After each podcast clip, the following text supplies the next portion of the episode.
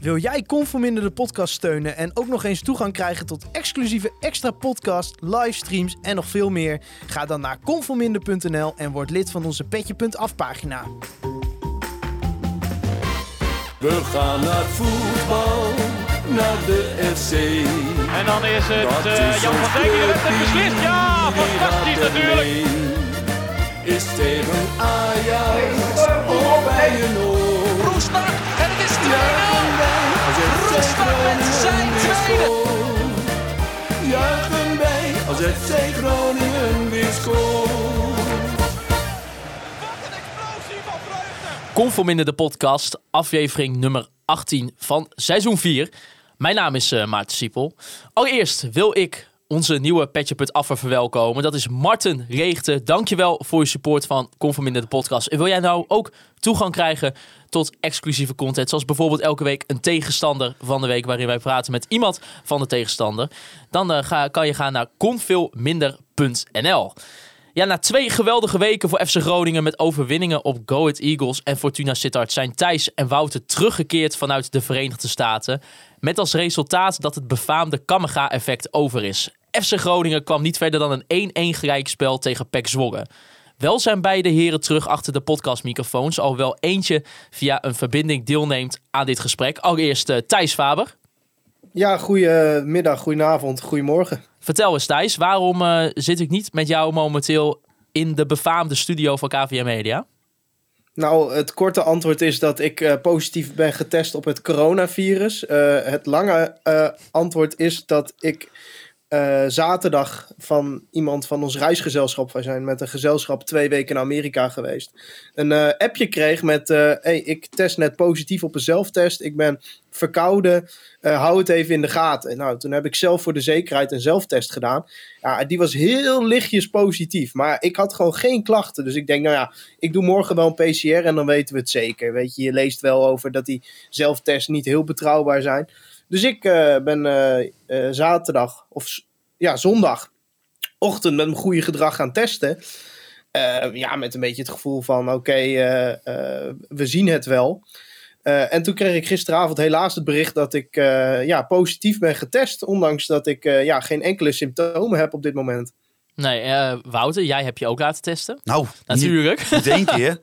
Nee, Ik heb eh, de afgelopen dagen zoveel van die uh, stokken in mijn neus gehad. Mijn neusgaten zijn nog nooit zo groot geweest. ja. Maar jij was dus negatief, ook op je PCR dus. Ja, ik heb eh, drie keer negatief zelf getest. En eh, toen ook naar de eh, GGD natuurlijk. En ook daar eh, negatief. En Ja. ik weet niet, ja, volgens mij was het als je eh, geen klachten hebt. En eh, ja, dan hoef je verder geen eh, speciale maatregelen aan te houden. Dus ik eh, ben gewoon, eh, voel me kip lep- lekker en ik heb negatief getest. Dus ik zit wel eh, tegenover jou. Wel op afstand natuurlijk, hè, Maarten. Ja, maar hè, eh, jongens, toch, eh, we gaan er misschien even voor de Petje.affers een komt er misschien wel een podcast online over jullie ervaringen.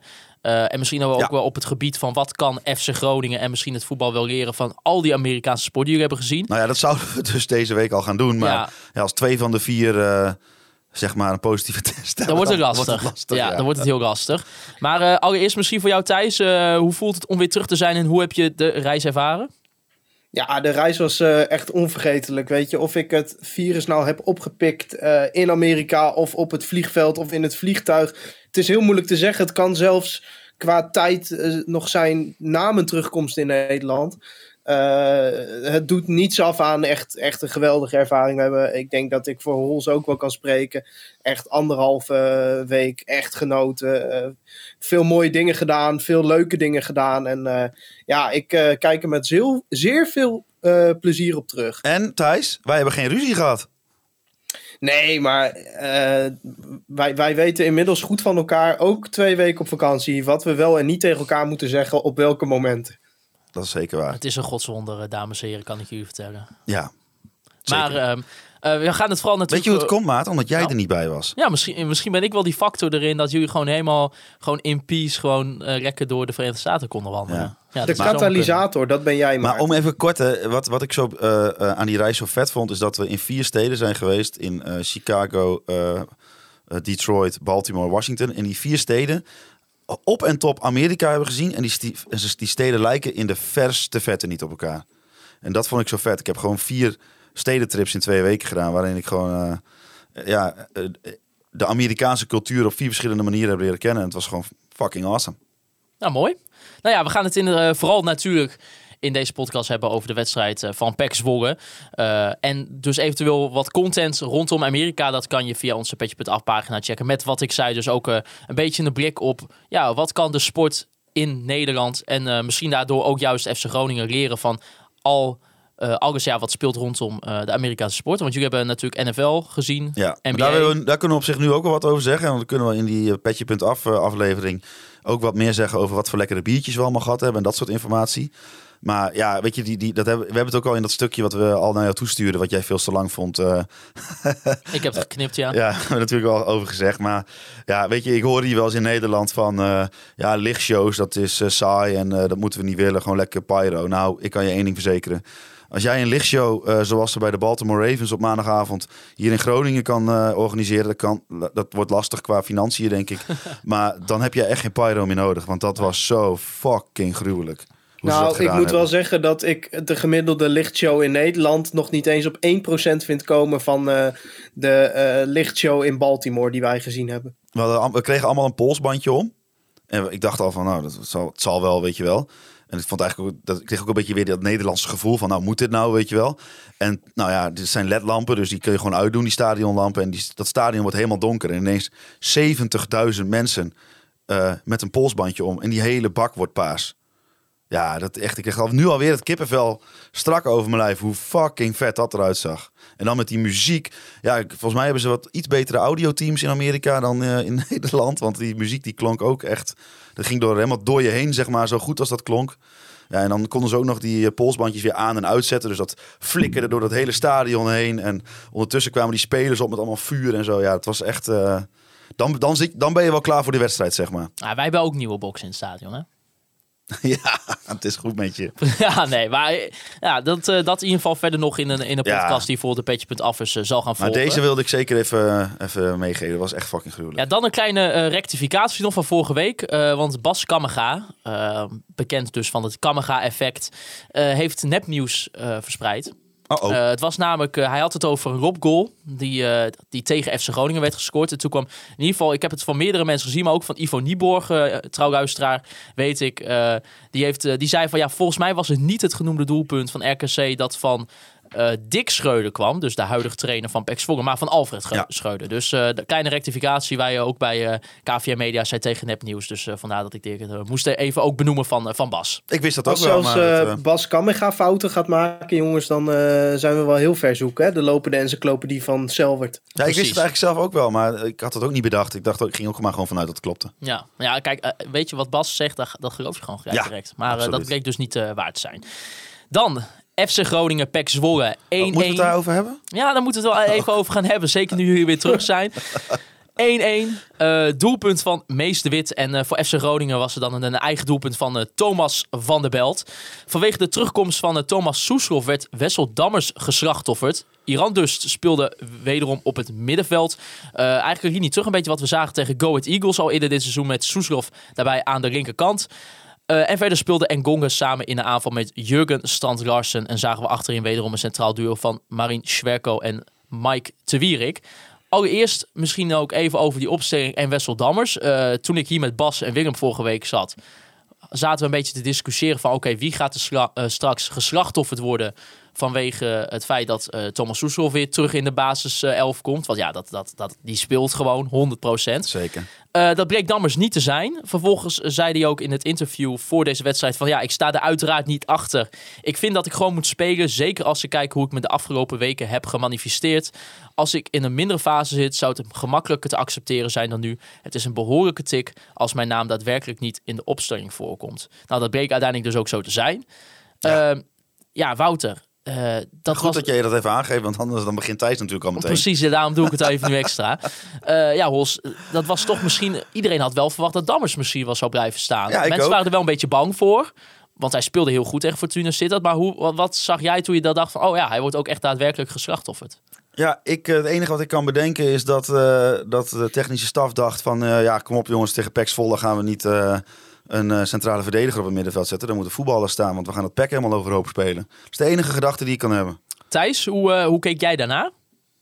Nou, ik heb die wedstrijd eh, zitten kijken en ik denk nou, volgens mij had Dammers ook prima voor Tewiri kunnen spelen. Want ik ben het in principe met Wessel eens dat hij gewoon in de goede vorm verkeert en eh, dat hij dat moet kunnen doortrekken.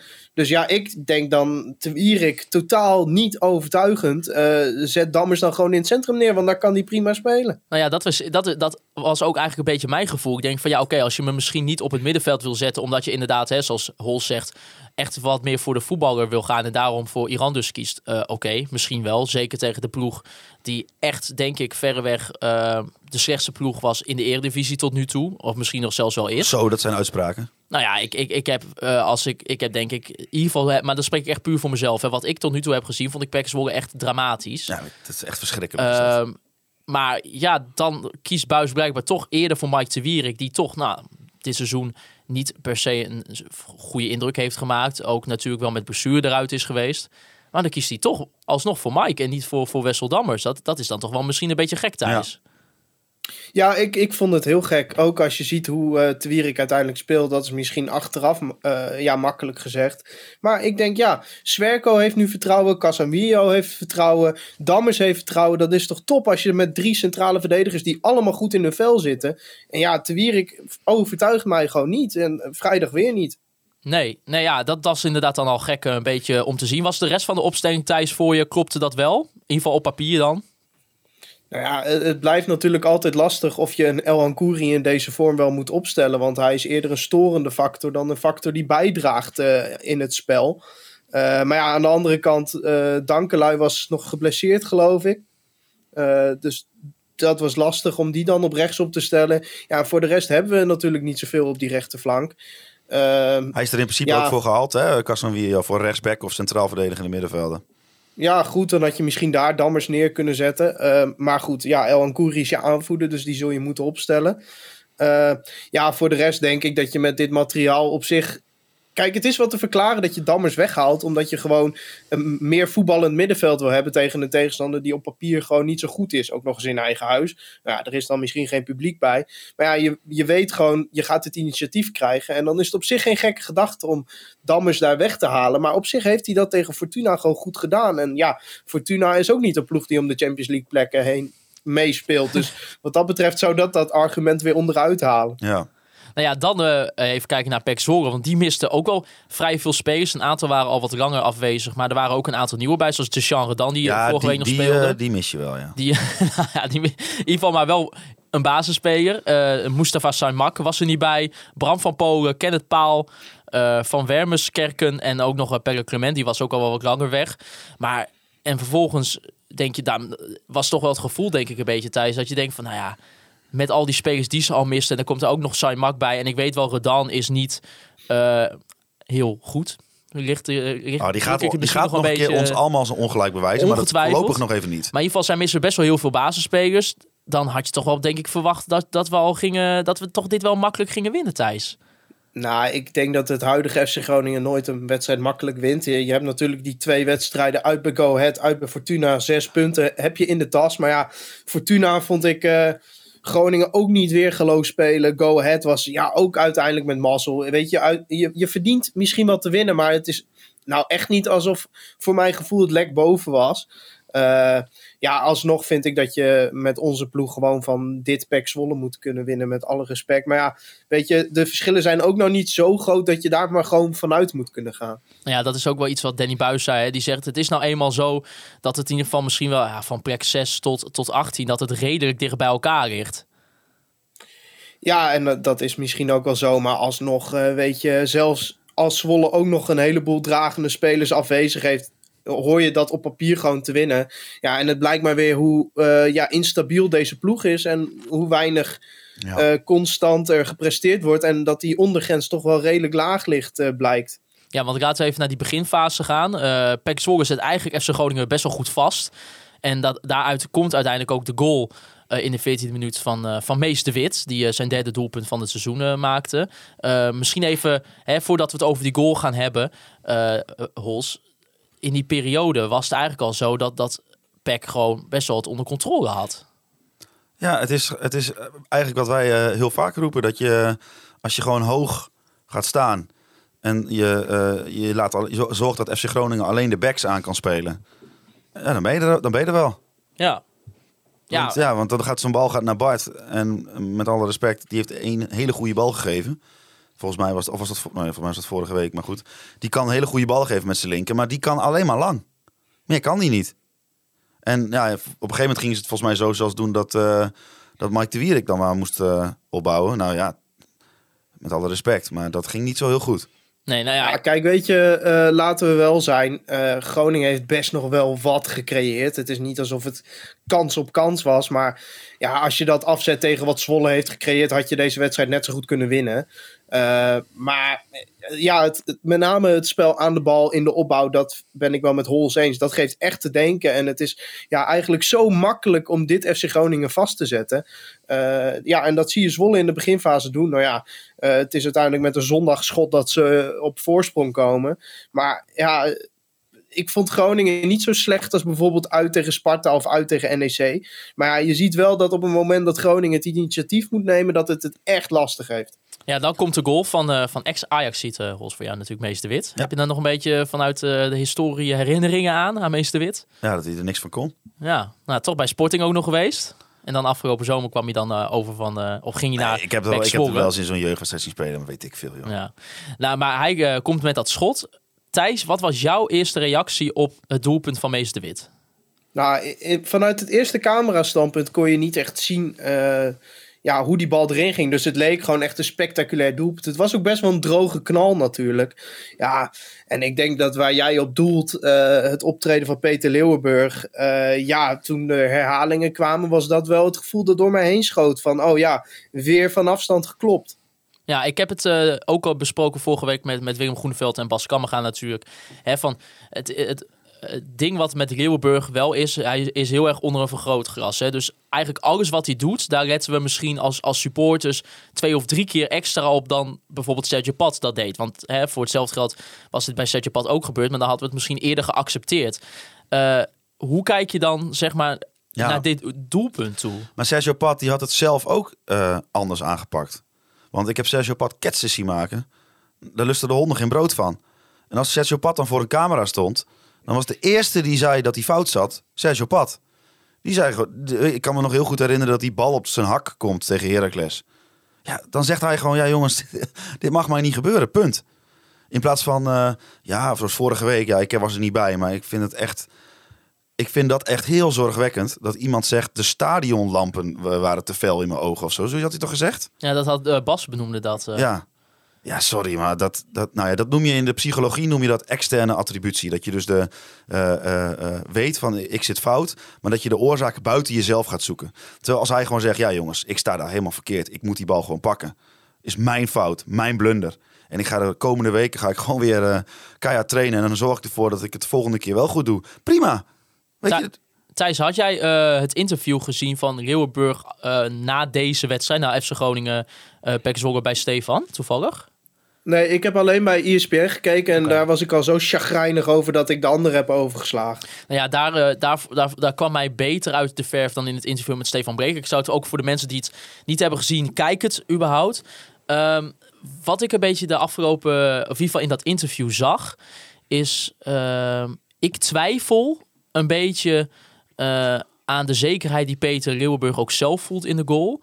Eh, en ook hoe transparant die daarover is richting Stefan in dit geval. Zo, hij kreeg een vraag van, valt het jou ook een beetje op dat het de aantal weken nu een beetje onzeker oogt?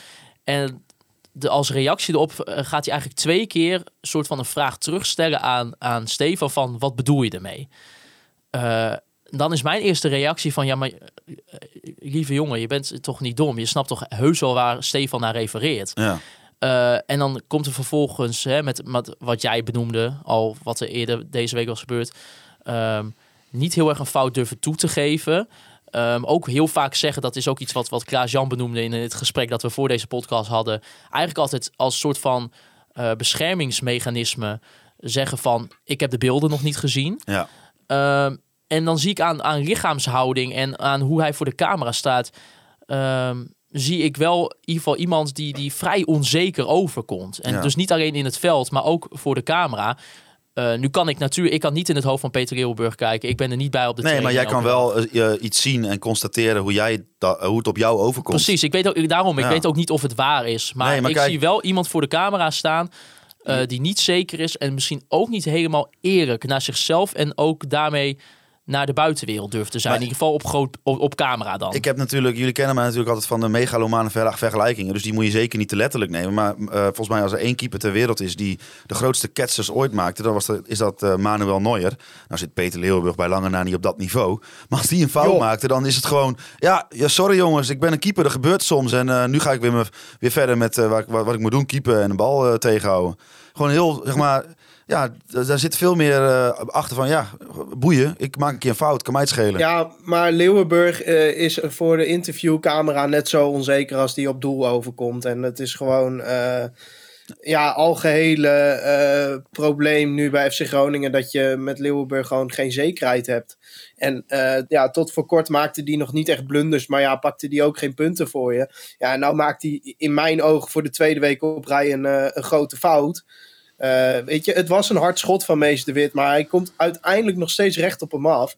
Eh, en, eh, Ja, er zat wel een zwabber ook, aan, hè? Weer een, ja, oké, maar wel gewoon een aantal keer dat hij ook een bal recht op zich af krijgt en dat hij die weer laat vallen en dat er weer een verdediger tussen moet. En ja, vorige week bij Fortuna was het natuurlijk helemaal chaos elke keer. Het is gewoon geen zekerheid. En als je al een ploeg hebt die voor je gevoel ja, een beetje ondermaats aan het presteren is, ja, dan komt daar de nadruk op te liggen. Maar ja, dat is ook eh, de realiteit als je profvoetballer bent. Eh, en ik snap dat dat eh, ja, hem niet beter gaat maken als we dat maar blijven benoemen. Maar het feit is wel gewoon dat je er momenteel geen zekerheid aan hebt. Ja, en dat is wel een probleem, want dat hadden we afgelopen jaren wel. Misschien is- zijn we wel verwend geraakt. Prima, maar deze keeper is een van de slechtste van de Eredivisie. En we hadden een bovengemiddelde keeper.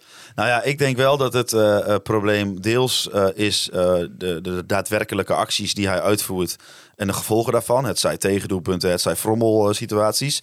Maar ik wil ook wel even een lans breken voor wat men beeldvorming noemt.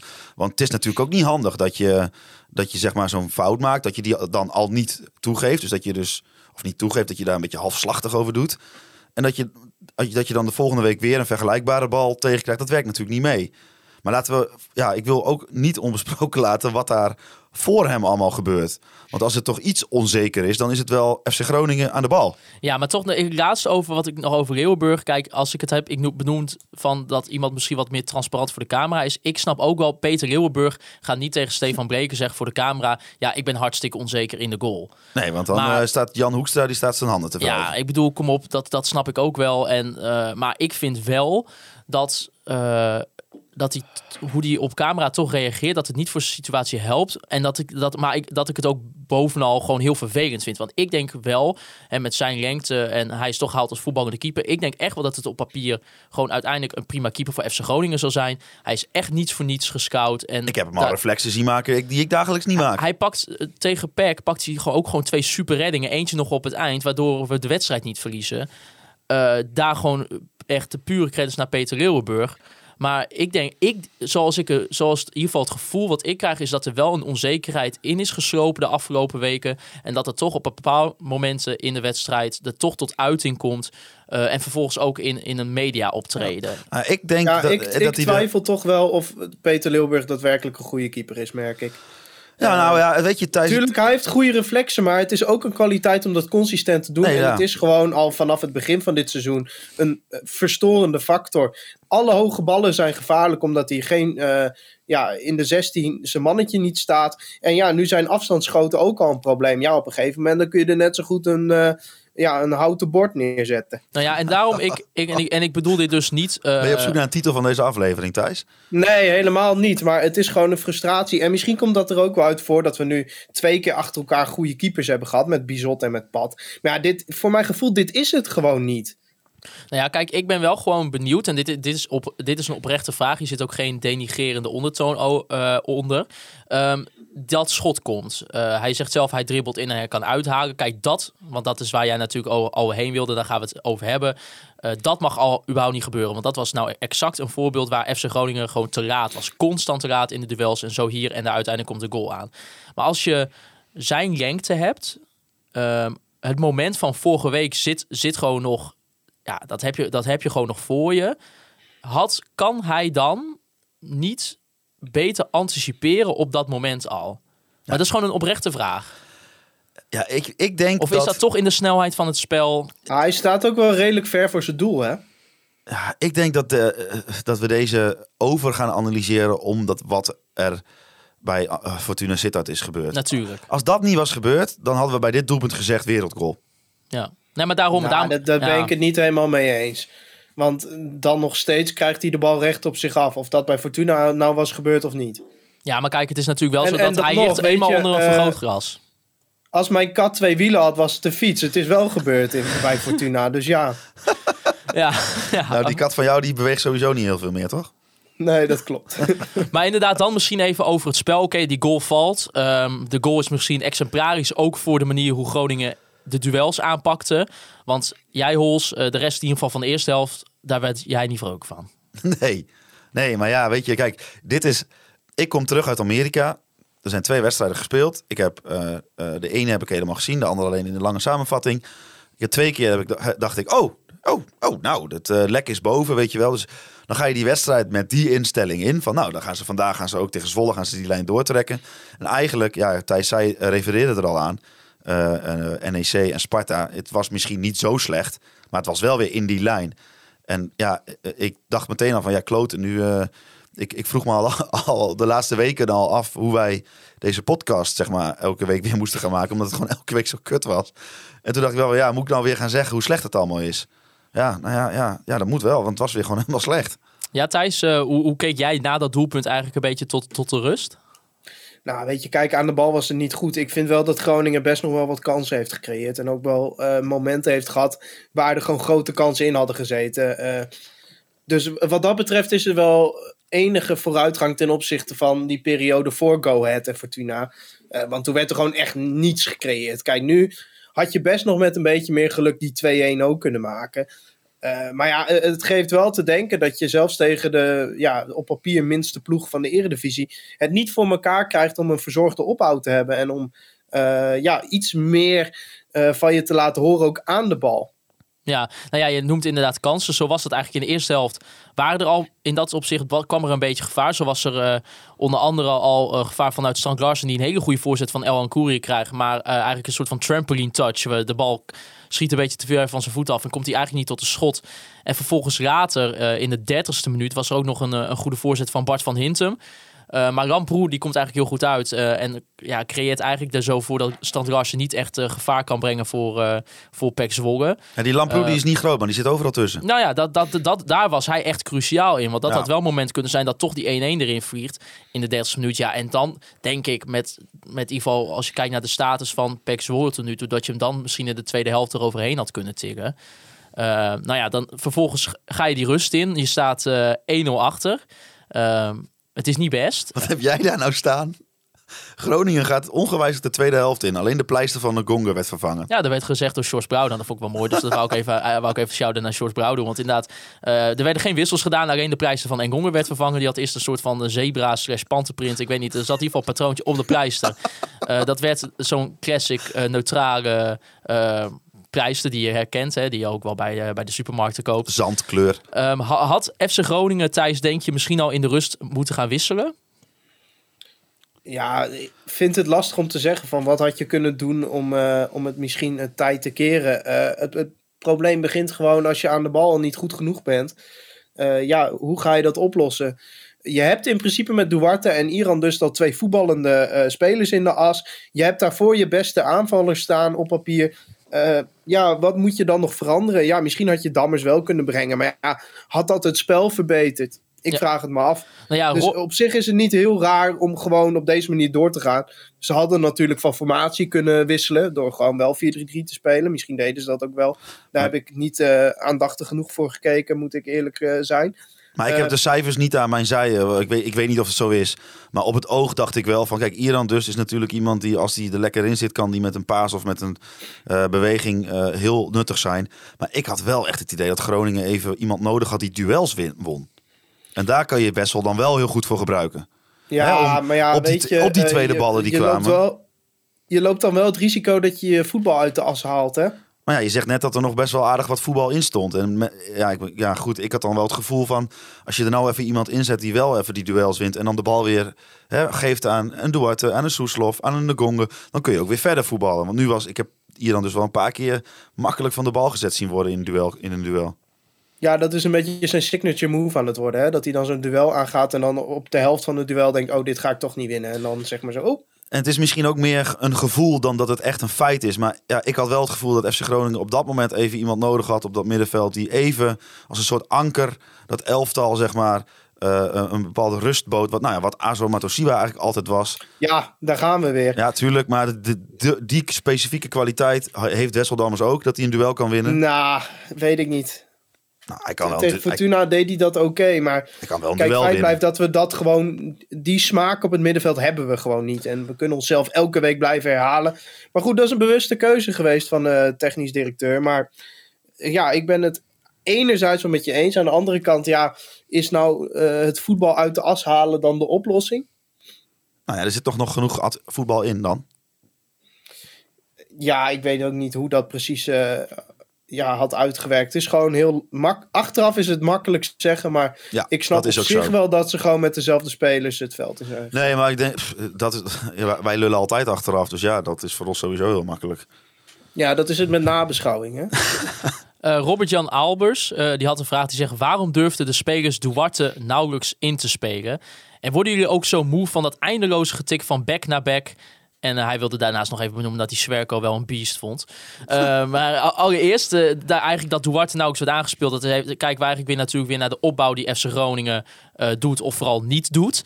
Eh, als jij daar zo naar keek, Thijs, hè, je ziet dan dat er zo achterin rondgetikt wordt. Duarte wordt eigenlijk veel te weinig aangespeeld. Of in ieder geval, ze durven lijken het haast te weinig in te spelen. Was dat ook iets wat jou opviel in, in de rol van Duarte? Nou, ik vind Duarte wel echt een lichtpuntje de afgelopen weken. Ik vond hem ook tegen Pek Zwolle aan de bal weer een aantal keer echt goed. En je ziet duidelijk dat dat de speler is die vooruit denkt. Dus eh, ja, als je eh, de vinger op de zere plek probeert te leggen, waar gaat het nou mis? Ja, is het denk ik wel een juiste analyse eh, dat hij misschien gewoon te weinig aangespeeld wordt. Ja, en waar heeft het dan mee te maken? Dat is zo lastig en dat is ook een vraag ja, waarvan je weet dat de technische staf daar ook mee zit. Want eh, kijk, je kunt het allemaal nog leuk neerzetten, de opbouw en welke ideeën je daarover hebt. Maar als bepaalde spelers gewoon een bal niet durven te geven, of een bal niet willen geven, of een bal niet zien, ja, dan wordt het heel lastig om eh, ja, vanuit die verdediging door te voetballen. Dus ja, ik, ik denk wel dat een van de sleutels wel bij die twee spelers in de as ligt. Omdat die gewoon een stuk beter kunnen voetballen dan onze centrale verdedigers. Maar eh, Groningen gaat volgens mij tot uiteindelijk tot, nou wat is het, 80ste minuut door of zo met dezelfde elf. Eh, ja, moet je niet gewoon... Ja, ik vind het, het is echt exact wat we net ook zeiden, van achteraf praten is makkelijk. Maar als iets niet werkt, dan is toch het minste wat je kan doen is eh, iets anders proberen. Dat is, wel, dat is dan de, de vraag die ik me dan zelf stel. Van, je ziet eigenlijk al 45 minuten, het loopt niet echt. Ja, oké, je hebt twee, drie mogelijkheidjes. Dan is het toch na een, na, na een uur spelen, denk je toch van... oké, nu komen er twee andere en dan ga ik eh, twee andere types brengen. Eventjes een beetje de boel opschudden. Maar dat gebeurt dan ook niet. Nee, En misschien de is het- wedstrijd leek toch een beetje als een nachtkaars uit te gaan op een gegeven moment. Ben ik wel met je eens. Ik vraag me dan, ja, ja, er zullen daar ongetwijfeld goede redenen voor hebben. Maar ik, vraag, ik vind dat wel, ik, ik, ik en ik denk meer mensen met mij snappen dat niet zo goed. Ja, waarschijnlijk. En kijk, je zag wel op een gegeven moment in die tweede helft dat, dat eh, het werd wel ietsje beter. Hè? Eh, FC Groningen kreeg ook een aantal vrije trappen waar dan in ieder geval een beetje een, een bal richting de 16 van Zwolle kwam. Ehm, uiteindelijk heb je ook het doelpunt in de 75e minuut. Uh, Jeugdexponent Thomas van der Bel scoort in eigen goal. Ja, ik vind dat die afgekut had moeten worden. Ja? Ja. Ja, Waarom? Waarom? Omdat eh, de eh, arm van eh, Strand Larsen in zijn nek zit. Hij duwt hem gewoon heel op, eh, opzichtig, duwt hij hem gewoon eh, na- naar voren. is gewoon een duw in de rug. Mag gewoon niet. Ja, ben ik er niet mee eens. Ik vind dat er gewoon.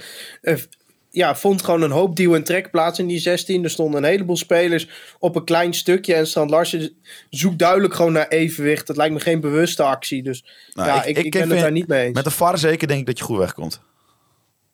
Nou, misschien is dat wel zo. En mm, ja, het is ook wel weer typisch dat je weer via een eigen doelpunt uit de corner moet scoren. Maar eh, nee, ik vond het geen eh, concrete overtreding. Ja, ik, ja, ik denk dat, die, eh, dat we in ieder geval goed weg... Ja, ik, ik zei het al net al, ik vind dat we goed weg zijn gekomen daar.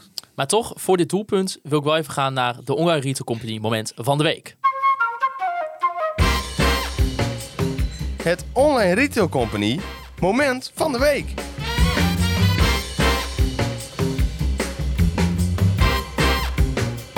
Ja, ons moment van de week gesponsord door onze vrienden van de Online Retail Company. Want hè, als we kijken naar dit doelpunt, eh, leuk, Thomas van der Belten, die kopt hem in eigen goal. Ehm ik leek zelfs eerst toen ik, het, toen ik het zag dat ik denk, oh, ko- kopt Moel Koeri nou erin. Maar eh, dat bleek toch Thomas van der Belt te zijn. Ehm, Goeie kopbal. Prima kopbal. Maar er Ook is maar- moeilijk als je zo in je rug geduwd wordt om dan nog zo nou ja, knap binnen te het- koppen. Het, is, eh, het heeft in dat opzicht wel een beetje meegezeten. Laat zijn natuurlijk ook al die geweldige goal van George Cox. Ik bedoel, die moet je ook maar even zo maken. eh, uit zo'n uit zo'n voorzet van FC Groningen. Ja, Ed staat nu op drie bij Groningen, toch? is dat zo, ja? Volgens mij wel, ja. Volgens mij staat Edje nu op drie. Oh, dat zou wel goed kunnen. Ik, ik kan zo even dat niet de derde opnoemen wie, eh, wie die eigen goal maakte. Eh, Nee, ik bedoel op de derde plek van de aantal doelpunten voor FC Groningen. Oh, is dat... Ja, ja, Volgens mij wel, maar ik moet het, ik moet het ik, eh, rectificeer me alsjeblieft. Ja, nee, dat, dat, dat gaan we even uitzoeken. Eh, maar er is maar eigenlijk één echte Ja. reden waarom dit doelpunt viel. En die kan, die kan gewoon gaan naar onze assistent-trainer Adrie Poldervaart. Dat is wel natuurlijk een voordeel wat je hebt eh, tegenwoordig, omdat niemand in het stadion zit. Je kan het vrij goed horen wat de trainers en assistent-trainers roepen. En ja, Nou, is Adrie is natuurlijk altijd al. Als, dat, dat, dat valt altijd wel op als Adrie in de op. benen komt. Hè? 100 procent. Eh, en die zit te schreeuwen. En die zegt joh, dat de jongens bij elkaar daar moeten staan op een kluitje. Eh, het is ook iets wat Kostas Ramproen na de wedstrijd noemde. Die zegt, ja, wij krijgen best wel wat goals tegen vanuit standaard situaties. Nou, dat was dit een voorbeeld van.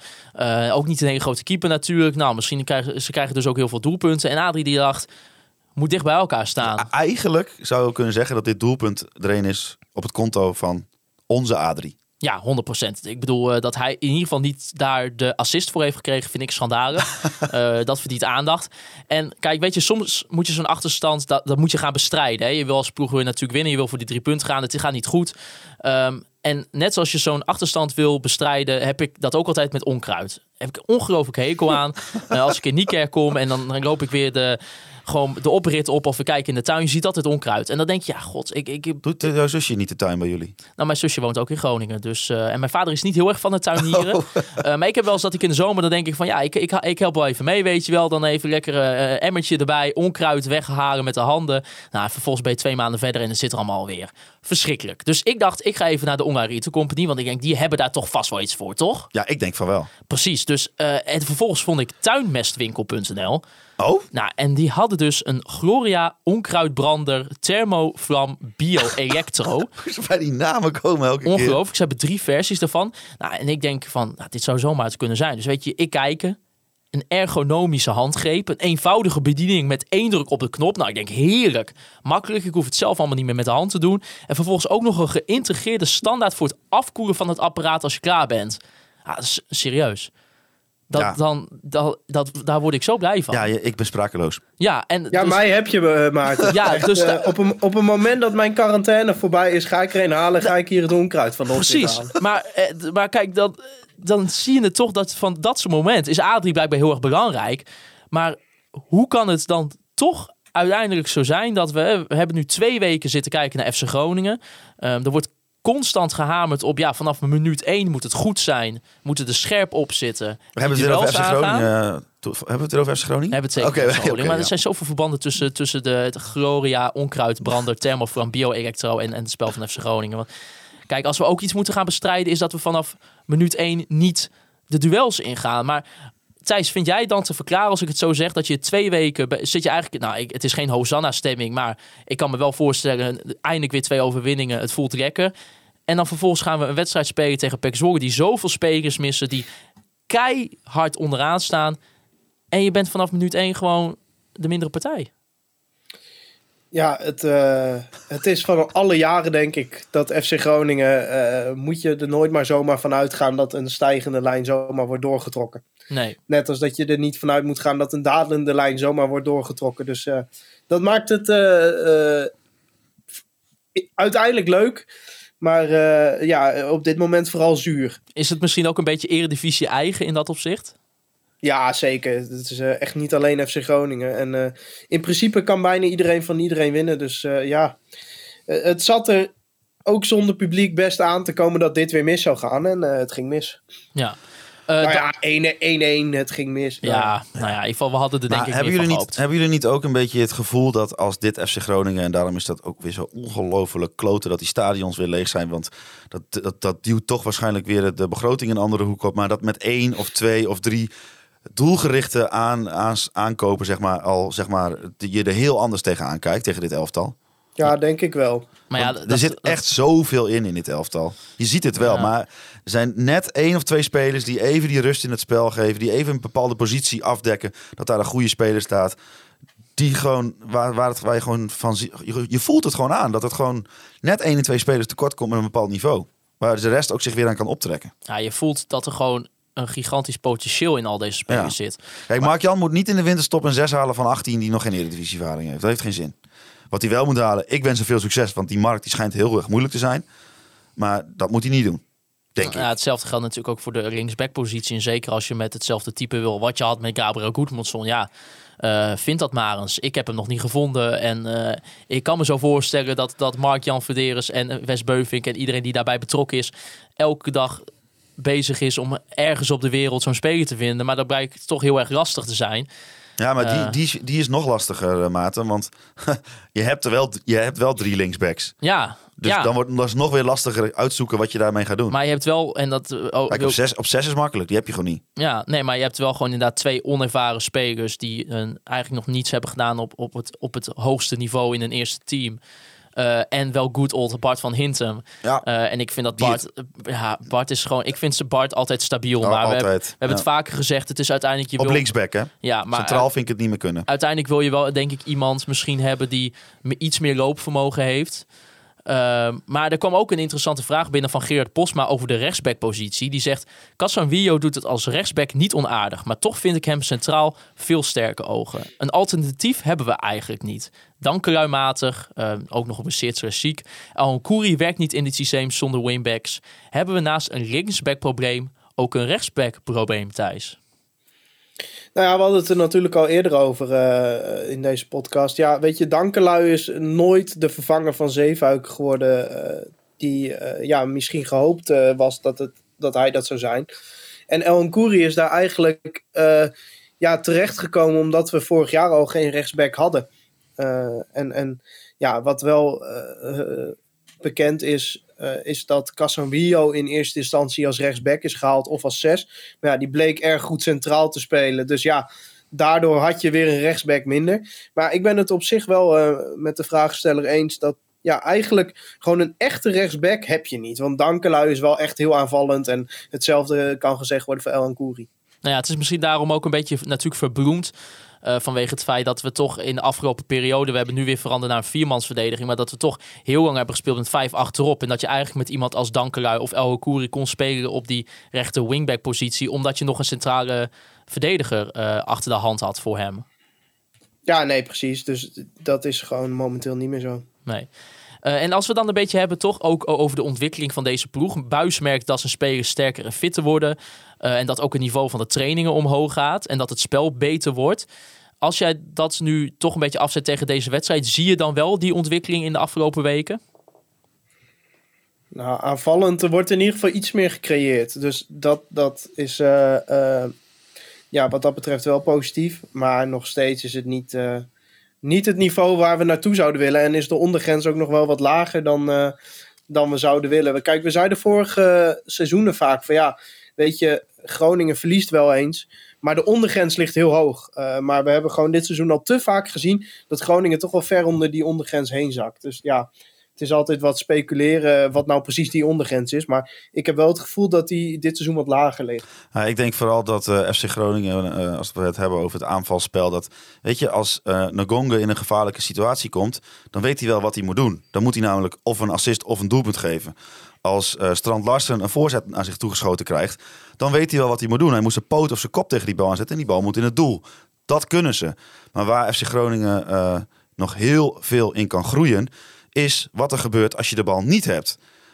Eh, Strand Larsen moet gewoon een seconde eerder reageren bij druk zetten. Eh Ngonge, nou, dat, nou dat is nou echt een voorbeeld van ontwikkeling. Die wordt gewoon gebankt. En de buis zegt, ja, je gaat, je gaat maar je verdedigende meters maken, anders dan eh, voor, jou, eh, voor jou een ander, weet je wel. En daarin zie je wel dat er een bepaalde ontwikkeling aan het komen is. Maar die loopt, ja, die is wel, gaat wel nou, langzaam, zou je kunnen zeggen. Want noem mij één speler van FC Groningen in de aanval die eh, bij balverlies eens even meteen de tegenstander vol onder druk zet. Ah, ik vond wel dat Jurgen dat wel eh, tegen. te- maar ja, ik heb ook nu niet de cijfers bij me. Maar in ieder geval wat ik toen zag, is dat ik had, kreeg, kreeg ik wel het idee dat Jurgen dat wel meer deed dan Ja, dat hij dat vroeger deed. Zeker, maar dat Ja. is ook precies de ontwikkeling waar Ja. Buis het over heeft. Dat, dat, dat moet nog veel meer. Want een echte prof, Jurgen Strand Larsen wil een su- succesvolle spits worden. Waarschijnlijk wil hij wel in eh, Duitsland of in Engeland of in Italië spelen. Had hij benoemd bij ons, ja. Sorry hoor, maar als je dat wil, dan da- daar, daar is dat niet een, een, een vraag of je dat doet. Maar dat staat bovenaan het lijstje. Je gaat eerst alles geven. Je, gaat, je moet die meters maken, punt. Dat is niet eens een optie als je dat niet kan. Ja, maar eh, waar ik nu gewoon bang voor ben, als we het toch over Strand Larsen hebben, is dat Michael de Leeuw is nu een paar weken ziek geweest. Dat straks ineens Michael de Leeuw weer speelt volgende week. En dan bedoel je, maar bedoel je dan voor Jurgen? Ja, Ja, dat is de, dat is de keuze die hij maakt natuurlijk. Ga, ja, of gaat hij toch Cyril dan slachtofferen? Is ook ja lastig. maar ik, ik ben daar wel bang voor, want ik vind dat Strand Larsen echt de laatste weken goed eh, bezig is. Ja, die zit, daar zit wel een stijgende lijn in, daar ben ik het mee eens. Ja. Ik denk ook, dat hij hem laat staan. Ook zonder bal, ook zonder bal. Ja, zeker.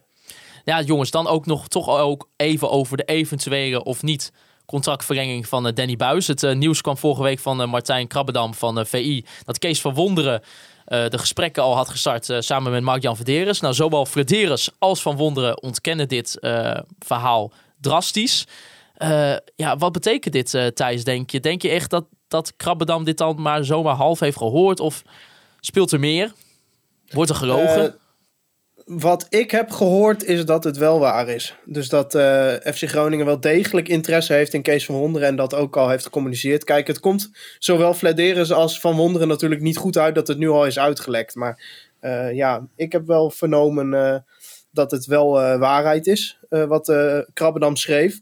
Ben, ben- ik ben heel erg benieuwd wie jouw bron dan is, Ja, Faber. Maar dat ga je nu Thijs- natuurlijk niet vertellen op, de, op tape. Ja, dat is altijd wel leuk. Mensen denken altijd dat wij alles met elkaar delen. Maar Maarten, wij krijgen echt de bronnen van Thijs. Ik, wist, ik, ik, had ik, heb, ik, ik was ook nu een beetje verrast dat hij dit zo, zo bedoelde. Ja, ik ook. Ik heb geen idee. Oké. Nou, dit is puur wat ik gehoord heb. Hè? Ja, ja, Ja, ja. oké. ja, dus ja, misschien, eh, ja, dat, dat weten we dus uiteindelijk ook niet. Maar, ehm, ja, dat, Kijk, dit komt Flederis natuurlijk niet goed uit. Hè? Want Flederis die heeft gezegd... we gaan eerst in de winter eh, evalueren met, eh, met Buis en, en consorten. Ehm, ja, en dan staat er daar natuurlijk een beetje haaks op... dat er nu een gesprek met Van Wonderen wordt opgestart. Eh, ja, eh, wat betekent dat? Dat betekent gewoon dat Flederis eigenlijk de keuze al heeft gemaakt... dat Danny Buis niet verlengd wordt. En dat is mijn interpretatie. En... en eh, Waar ik gewoon het meest mee zit, is denk ja, wees daar dan gewoon eerlijk over. Want je kunt niet aan de ene kant zeggen, we gaan eh, in de winterstop met de nieuwe technische staf zitten. En ondertussen wel alvast met je nieuwe trainer in gesprek gaan. Ik hoop gewoon voor de sake of FC Groningen dat eh Mark-Jan Vladeers inderdaad geen... eh, hè, wat, hij eigenlijk, wat eigenlijk vorig, vorig jaar een beetje rond deze periode met Remco Balk eh, gebeurde. Hè, dat je dan tegen die, eh, eh, dat, met dat gezeik met dat contract dan met 31 december en zo. Speel geen spelletjes, want iedereen kijkt mee. Niet alleen de Ja, supporters, maar, ook andere... De spelletjes zijn natuurlijk al lang begonnen. Want het is gewoon enorme onzin dat jij aan de ene kant in je selectieopbouw alleen maar keuzes voor de lange termijn maakt. Daar de nadruk op legt, wat in principe prima is. En vervolgens tegen de technische staf zegt, nou, we kijken het eerst nog even aan. Dus ja. daar is natuurlijk gewoon al impliciet een keuze gemaakt. En eh, nou ja, nogmaals, dit is mijn interpretatie van de hele situatie. Eh, maar ik schat de kans dat Danny Buis volgend jaar nog trainer van FC Groningen is heel laag in. En ik denk dat eh, het verlengen van Kees van, of het benaderen van Kees van Wonderen, ja, daar alleen maar een indicatie van is. Wa- waar ik gewoon mee zit, is van wees er dan gewoon eerlijk over. Want dit is naar Danny en zijn staf is dit niet netjes. Je moet op een gegeven moment een keuze maken en daar transparant in zijn, vind ik. ja. Maar wat, wat Danny volgens mij bij ESPN zei, dat, ze- dat ze pas na de winterstop in gesprek gaan. Het wordt steeds later, maar dat is gewoon omdat het volgens mij, ja, het gesprek zal er vast komen, maar volgens mij, mijn indruk is dat Vladeris de keuze al lang gemaakt heeft. Ja, dat is, eh, dat is inderdaad maar even afgewacht. In ieder geval beide heren ontkennen. Eh, het enige wat ik in ieder geval hoop, mocht het waar zijn... of mocht het eventueel met een andere trainer waar zijn... ik hoop in ieder geval wel dat, eh, dat dit geen soapje wordt... en dat Danny wel gewoon, mocht hij na vier jaar nu stoppen bij FC Groningen, dat hij wel een soort van waardig afscheid krijgt. Eh, want dat is, als je ziet hoe, hoe hij toch met deze ploeg heeft gewerkt en ook de tijd die hij erin stopt. En ik denk gewoon vier jaar eh, prima heeft gepresteerd. denk ik dat hij wel een waardig afscheid verdient. Nou, ja, nou, nee, la- absoluut eens. Maar moet, ik, eh, eh, ik heb altijd gehoord dat je eh, mensen moet, je moet mensen niet begraven voor ze dood zijn. eh, Nee. Nou, natuurlijk ik heb, de, ik heb er gewoon met de huidige lijn van de, eh, van de technische directie eh, heel weinig vertrouwen in dat het niet achterbaks gaat worden. Dus ja, uiteindelijk eh, hoop ik het ook, maar ik heb weinig, eh, ik, ik verwacht het niet. Oké, maar eh, over die verlenging eventueel. eh, Bas Bouwman die vraagt... In de afgelopen weken viel het me op dat jullie al in het algemeen voor een contractverlenging van Danny Buis zijn.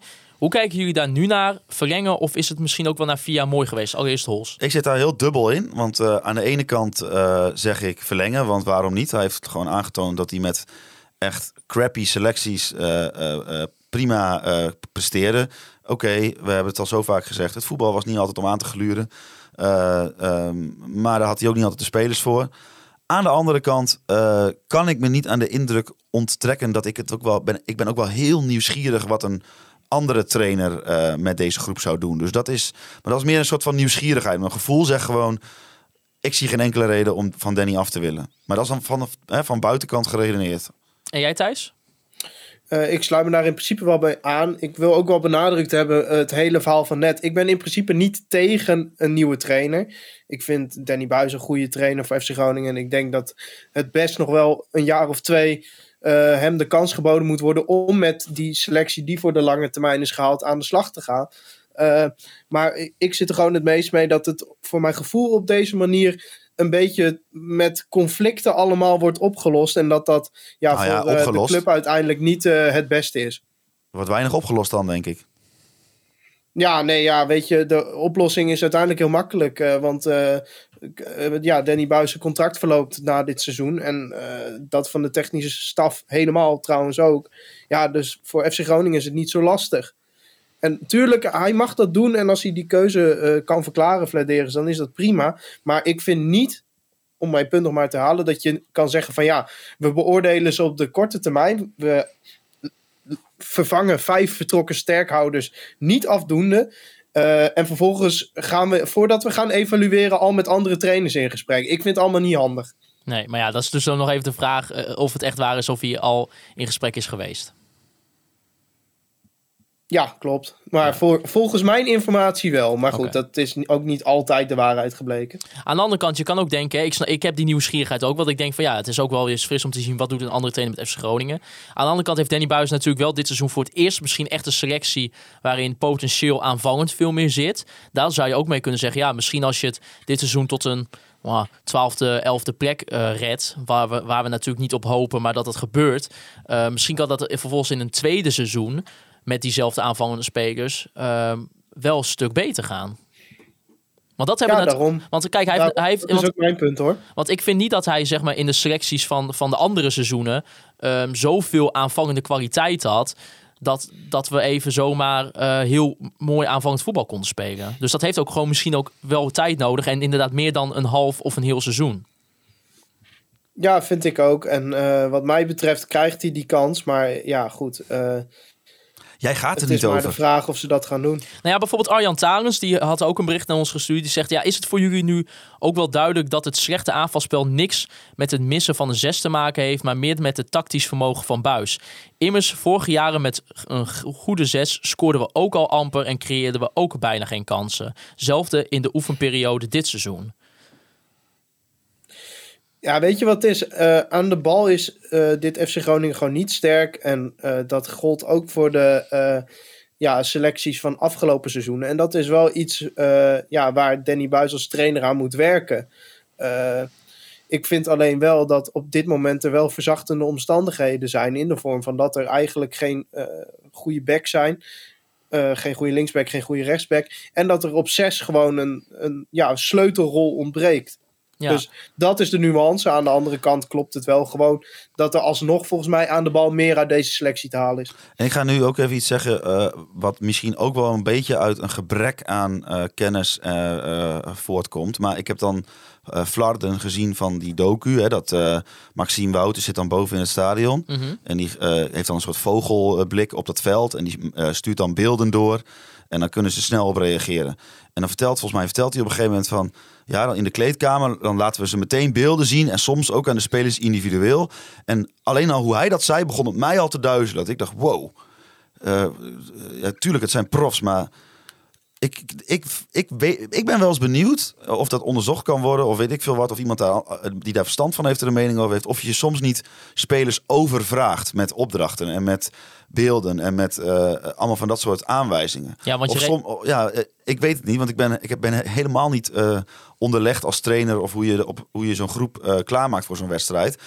Maar ik vraag me dat af. Van, kan, kan, kan het ook niet, eh, tuurlijk, helemaal niet doen slaat nergens op, maar kan je het niet te veel doen ook bijvoorbeeld? Ja, want je refereerde inderdaad ook op eh, dat in momenten tijdens de wedstrijd dat, dat er momenten gebeuren en dat er volgens al in de rust Ja, kan worden gekeken dat je zegt van nou misschien is dat ook wel een beetje voor in ieder geval voor sommige spelers kan het ook weer een beetje averechts werken. nou, dat, dat, ik, ik Ja. zeg niet dat het zo is, maar ik Nee. vraag het me af of dat niet, of eh, hoe dat. Hoe, zou- hoe zou dat werken? Ik ben heel benieuwd Nou hoe ja, dat werkt. Ik ben, waar Ik ik, ben wel ook- geïnteresseerd in ben, is inderdaad natuurlijk, ik, ik denk dat die videobeelden, dat ongetwijfeld voor, voor de gehele eh, selectie en huidige voetbal, denk ik dat het goed is dat je het hebt. Ik denk dat daar Oh, er komt iemand binnen bij jou. Ik denk dat daar geen twijfel over eh, mogelijk is.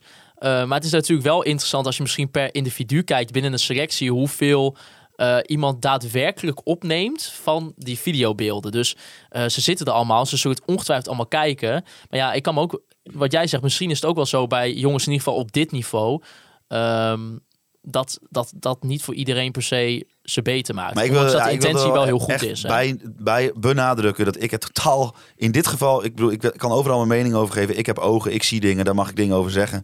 Maar in dit geval heb ik er echt geen verstand van. Ja, dus het is wel eens interessant ik om vraag daar me gewoon dieper- wel echt af. Het is misschien wel eens dieper eh, of leuk om daar wat dieper op, eh, op in te gaan. In ieder geval wat, wat naar dat gehele proces. Want we hebben er nu natuurlijk iets heel. Hij heeft het heel kort uitgelegd hoe het werkt.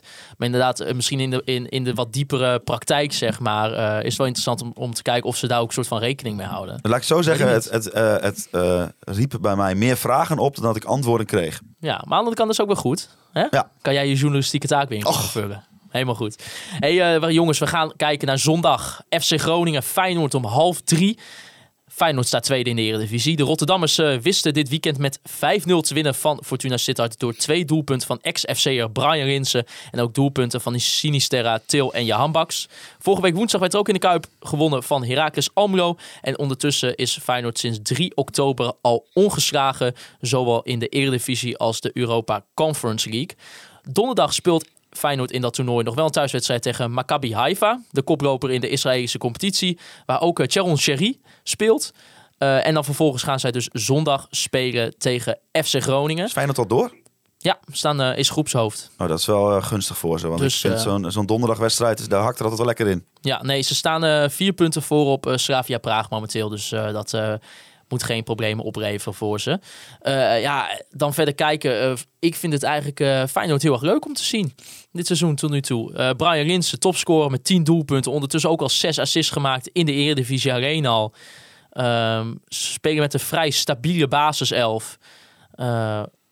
Een aantal spelers die echt opstaan, dat zie je ook wel. Dat is, ik heb het ook even natuurlijk naar de Kangaroo podcast geluisterd. Eh, Tuurlijk, jij luistert altijd alle Feyenoord-podcasts voor zo'n eh, aflevering van ons. ja, alleen he- kan ik genoeg. Oké, oké, ja, er zijn er, zijn er vast, er zijn er ongetwijfeld meer. Je hebt ook even van VI, maar die, die luister ik niet. Maar je ziet, eh, zoals zij het beschreef, in ieder geval dat een speler als Kok- eh, Kukshu, die, die staat op Sinisterra, die natuurlijk ook heel lang geblesseerd is geweest vorig seizoen. Dan, eh, nou, de tweede seizoen zelf wel kon spelen, maar die komt nu ook helemaal tot bloei. Nou ja, ik heb bij Feyenoord heel vaak ge- gehad eh, de afgelopen tien jaar dat ik dacht van... waarom haal je deze speler? Ja. En dit seizoen heb ik... hey, alle spelers die je haalt, kloppen. Ja, nou is er wel bijvoorbeeld Johan Baks eh, is dan wel een beetje iemand die heel goed begon. En ook eh, dat eh, vooral in de zomer weet ik nog wel Ja, in die kwalificatie van die Conference League. Nou, dat valt toch nu een beetje tegen. Is ook geen vaste basisspeler onder Arne Slot. je Want, zult, je zult hem maar op de bank hebben zitten. ja, nou ja, dat is wel lekker. Maar zij spelen toch liever met, met Jens Toornstra. Ja, Thijs, hoe kijk jij een beetje naar dit Feyenoord? Ja, het is gewoon een ploeg die met heel veel vertrouwen speelt. Eh, die indruk heb je. En een ploeg die ja, met eh, gewoon Arne Slot, wat echt een geweldige trainer is, eh, echt met een idee spelen. En op die manier echt veel wedstrijden over de streep trekken. Je hebt ook nog figuren als Dessus, zeg maar, die gewoon drie, vier wedstrijden achter elkaar in de laatste minuten nog scoort. Dus ja, wat dat betreft is het als ja, zeg maar neutrale kijker. ik hoop natuurlijk altijd dat ze het Europees goed doen. Excuus. Is Toch een het, beetje eh, corona. is het, ja, toch klachten, jongens. Eh, helaas. Is het. eh, nee, ik verslikte mij. Maar eh, Waarin? ja, is het wel echt leuk om naar te kijken, vind ik, eh, dit Feyenoord. Ja, Sende benoemen ook. Zij komen ook best wel vaak terug van een achterstand. Ze pakten al eigenlijk al 10 punten nadat ze op, op achterstand kwamen. Dus dat zegt misschien ook wel iets inderdaad met bijvoorbeeld zo'n Cyril Dessers... die dan eh, vaak op het eind van de wedstrijd scoort. Ja, en ook gewoon een heerlijk middenveld, weet je. Met die, eh, eh, die jongen uit, uit Scandinavië. eh, met, met Kukshu, die ook gewoon heel goed speelt. Ex-FC Groningen ook nog. Guus Stil, die speelt. Ja, en als de Brian Lins vervolgens ook nog heel veel doelpunten maakt... Dan, dan heb je een lekker ploegje staan. Ja, zeker. En eh, gewoon een goede trainer eh ervoor. Ja, en dan zie je dat dat best wel snel kan gaan als je het vergelijkt met een vorig seizoen. En eh, volgens mij zijn ze in Rotterdam ook echt tevreden op dit moment. Nou ja, ze staan natuurlijk tweede met één punt achter Ajax. Nou ja, ik bedoel... eh, Ja, nou ja, de, eh, eh, om, zeg maar, eh, eh, je kunt elke wedstrijd los beschouwen. Maar in, in het verhaal, zeg maar, is deze wedstrijd voor Feyenoord tegen Groningen wel heel belangrijk. Hè? Want die klassieker die komt eraan. Ja. En dan wil je gewoon, als Feyenoord, wil je gewoon, ja... de- Het, eigenlijk is het een beetje eentje in de, in de categorie. We zullen er vanaf nu alles aan doen om elke wedstrijd te winnen. Maar je wil natuurlijk dan over Ajax heen kunnen gaan. Dus die gaan echt niet lichtzinnig naar, naar FC Groningen toe, denk ik.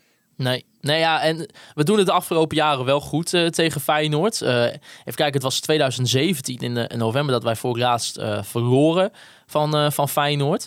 Dus in dat opzicht zit het daar ons wel een beetje mee. Thuis bedoel je of Eh, überhaupt? thuis, wou thuis. zeggen, nee, want volgens mij, eh eh, vorig seizoen eh, verloren we nog eh, uit. Bal op de of thuis. Ja, uit met 2-0 inderdaad met, met Remco Balk. Eh doelpunt volgens mij van Geert-Truida. Dat was nog toen eh, Johan van Kaam die bal gigantisch uit in zijn gezicht kreeg. Ja, klopt inderdaad. Dat was ook, eh daar maakte hij ook minuten in. Maar eh, ja, ik, Feyenoord, eh, gewoon heerlijke ploeg om te zien. Daarom, ja, maar dat is standaard met Feyenoord zo. Als je tegen Feyenoord speelt, het wordt gewoon een hele moeilijke wedstrijd. Eh, dus ja, hopen dat we misschien eh, toch een, een gelijk spelletje eruit kunnen halen. Of je, of je wint hem toevallig. Maar ja, wat, wat denk jij Thijs? I- Is het misschien ook bijvoorbeeld, zoals Harold vraagt... is dit ook weer een wedstrijd waarin Dammers... op de controlerende middenvelderrol als eh Memisevic en Matusiwa moet gaan spelen? Ja, je hebt natuurlijk te maken met Guus Til. En dat is best wel een eh, ingewikkelde speler. Omdat het, ja, is het nou een tien of is het nou een spits of is het nou... Dus ja, je moet wel iemand hebben die hem in de gaten houdt. Want ja, als die te veel, i- zeker in de 16, aan de bal komt... Ja, dan kan die gewoon heel gevaarlijk worden. Dus ja, misschien is het wel verstandig om dan met Dammers op 6 te spelen. Dat kan Iran dus niet. Nee, dat denk ik niet. hey, eh, Thijs, jij gaat ook nog een eh, tegenstander van- van de week deze eh, week weer opnemen, hè? Ja, klopt. Met eh, Johan Brinkel van de al eerder genoemde Kangaloo podcast. Ja, zeker. Dat, eh, die komt eh, volgens mij woensdag uit mijn hoofd... dat je aflevering met hem staan, hè? Ja, woensdag komt hij online. Oké, helemaal top. Nou ja, hierna spelen we dan nog de wedstrijden uit tegen Heracles, uit tegen AZ. Eh, en ondertussen, na de wedstrijd tegen Feyenoord, spelen we ook nog een keer tegen Excelsior uit in de beker. Eh, daar droomden we toch van dat we daarbij konden zijn. Nou, dat wordt En nu niet. kunnen we helemaal niet zien. Nee, nee, we kunnen het niet eens zien inderdaad. We hebben we niet uitgezonden op ESPN. Dus dat Nee. moet allemaal naar eh, Radio Noord luisteren. Ja. Heerlijk. Met z'n allen voor de radio Ja, weer. fantastisch. Oude transistorradiootje weer eh, aan je oor. Matthijs, eh, ik heb jou een keer een uitspraak zien doen eerder dit seizoen. Dat je zei dat we gaan geen punt meer pakken en geen wedstrijd meer winnen tot de winterstop. Nu, wat denk je? Feyenoord thuis, Heracles en AZ uit? Heracles moet je winnen. Die andere twee is elk punt meegenomen. Ja, ik denk, eh, nou, ik denk dat er tegen AZ zit er in ieder geval meer in dan in de afgelopen seizoenen. In de uitwedstrijd normaal gesproken. maar nog steeds is dat een betere ploeg dan eh, FC Groningen. Ja, Eh ja Heracles, eh, daar verliezen wij gewoon bijna altijd van. Dus eh, ik, dat wordt, dat, ik weet niet wat Frank Wormoed, die heeft iets, die weet altijd klem, eh, Danny Buis klem te spelen. Ja, en die is nu natuurlijk extra getergd. Want eh, die had natuurlijk verwacht dat hij in de geruchtenmolen naar FC Groningen zou komen. Is het in één keer Kees van Wonderen. Dus die gaat zijn spelers extra motiveren om tegen Groningen goed te spelen, denk ik. Ja, volgens, ik had het al een beetje opgezocht. ook een beetje alvast ter voorbereiding dan voor, voor de podcast richting Heracles. Maar volgens mij heeft Danny Buis maar één keer gewonnen tegen Frank Wormoed. Ja, met eh 3-1. Twee doelpunten van Thomas Bruns. Thomas Bruns. In allemaal- januari 2019. Ach, ja, Dat voorspelt niet veel goeds. Nee, nee, dan ook nog uit. Ja, ik, eh, ik heb daar wel een beetje al- normaal gesproken een hard hoofd in. Maar dat komt ook een beetje door eh, de vriendschap die eh, Thijs en ik hebben met, eh, met Casper en, eh, en Steven. Ja, de Herakles ja. jongens van... eh, die En zitten ons altijd al te Voetballen pesten. op plastic is natuurlijk geen voetbal. Eh, nee, maar dat is een eh, discussie misschien voor later. Eh, Thijs, FC Groningen, Ja. Feyenoord, voorspelling voor Rutger Ottens. 2-2. Onze Rutger. Mag ik wel. 2-2. 2-2. En wie maakt de Ja. doelpunten voor FC Groningen? Strand Larsen twee keer. Ach, heerlijk. Toch eh, geen eh, basisplaats voor Michael Dreel als hij, eh, als hij weer terugkeert binnenkort. Wouter Rolsappel. Hoop het niet. Ja, ik heb een, eh, echt eh, een heel erg sterk gevoel bij 1-1. Oké, heel sterk. Ja. En, eh, en, Ik weet bijna zeker... vandaan? Ja, ik weet niet. Het, ik geloof er echt in. Ik geloof echt dat het 1-1 gaat worden. Oké, mooi. En wie sto- scoort dan de doelpunt voor FC Groningen? Eh, dat gaat eh, Romano Postema worden. Mooi. Mooi als invaller dan. Ja, dat, daar, daar heb ik dan weer minder sterk gevoel bij. Maar Ja, die 1-1, daar voel ik echt heel sterk dat het gaat Oké, gebeuren. eh, ik denk overwinning 1-0. Ik, ja, Dammers back op de positie. Ja. En dan een doelpuntje van, ehm, ik denk wel El Kouri. Verdient hij wel. Ik hoop het vooral voor hem. Ja. Want eh, die is eigenlijk eh, sinds de aanvoerdersband eh, ook niet meer een beetje de of ja, Ach, daar kunnen, we een wel weer de oude daar kunnen we ook nog wel een halve podcast Maar over. ik, laten we dat niet meer doen. Ja, het, was hij, ik vond hem ook niet heel sterk voor het, bij het interview van, van ESPN deze week. Eh, misschien is het toch een beetje de druk van de aanvoerdersband. Maar Dus, ik eh, hoop eh, altijd voor hem wel dat hij het eh, oppakt. Als Want Thijs volgende hij week weer eh, uit quarantaine komt, dan gaan we het daar wel eens even over hebben. Precies. Thijs, eh, de vorige keer dat we met elkaar eh, via zo'n Skype, oh, nou het is iets anders, verbinding eh, opgenomen hebben, dat was volgens mij helemaal aan het begin van de eerste lockdown. De, de, de- wa- Ja. eh, wa- hoe was dit? Qua, eh, hoe heb je het ervaren? Nou, ik kan jullie niet zien. Dat is wel heel vervelend. En eh Vinden wij niet zo erg. ik jullie ook iets vaker uit laten praten dan eh, jullie normaal van mij gewend zijn. Ja, dat vinden wij dus heel Eh, fijn. Ja. Nou, dan doen we het toch altijd zo. Ga ik toch altijd hier zitten. Jij komt gewoon niet meer de kamer uit voor de rest van je Nee. leven. Nee, nee. ik Uitstekend. moet zeggen, ik ben nu al eh, ja, bijna twee dagen eh, ja, in een eh, kleine kamer aan het besteden. eh ben er wel behoorlijk klaar mee. Dus ik zou iedereen afraden om eh, corona te krijgen. Maar je kunt toch wel even een wandelingetje maken? Ja, dat, eh, zeker hier. eh, ik ben bij mijn ouders in, eh, in het Drentse Fries. Daar eh, ga ik echt niemand tegenkomen op straat. Dus dat ga ik zeker even doen. Ik zag een, eh, een item op de NOS dat het zwembad in Fries nog open is. en dat moest heel bijzonder zijn. Het Het buiten openluchtzwembad. Ja. Nou, eh, daar kan het best wel druk zijn. Dat lijkt me met mijn positieve coronatest niet verstandig, Maarten. Prima, dan doen we dat een, nog een andere keer. als alles weer normaal voor jou is. Ja, als het goed is, als deze, ja, het gebrek aan klachten aanblijft, dan, dan mag ik volgende week gewoon weer eh, aanschuiven bij de podcast. Nou, dan Dat gaan is we wel dan maar, grappig. eh, een heleboel mensen gingen mij beterschap wensen, maar ik heb dus niks om mij beterschap mee te wensen. Ja, ik heb corona, maar ik, ik merk er niets van. Wij kunnen nog wel wat dingen verzinnen, maar dat is misschien ook voor een andere keer. eh, Thijs, ik hoop je wel te zien volgende week. Ik ook. Dankjewel, jongen. Ik hoop jou ook te zien. Mooi, dan gaan we daar Thijs, ik hou van je, hè? dat weet je. Ja, ja, dat zal wel. Jullie kunnen Conforminder de podcast volgen via Spotify, Apple Podcast en Google Podcast. Volg ons ook via al onze social media kanalen, Facebook, Instagram en Twitter. Jullie kunnen mij persoonlijk volgen op Twitter, Maarten, Siepel, Holsappel en Thijs, Faber. Als laatste wil ik nog Andy Zuidema bedanken voor de foto's die we week in week uit kunnen gebruiken voor al onze social media kanalen. Natuurlijk de Online Retail Company en B-Trip voor de Online Retail Company momenten van de week. Onze trouwe Petje.affers voor het supporten van Conforminder de podcast. Wil je dat ook doen? Ga dan naar conforminder.nl. Aanstaande woensdag dus een tegenstander van de week met Johan Brinkel van de Feyenoord podcast Kangaroo. En natuurlijk Free Westerhof en Mark Pepping voor de prachtige intro en outro muziek. En als laatste wil ik jullie allemaal bedanken voor het luisteren naar Conforminder de podcast. Wij als FC Groningen weer scoort.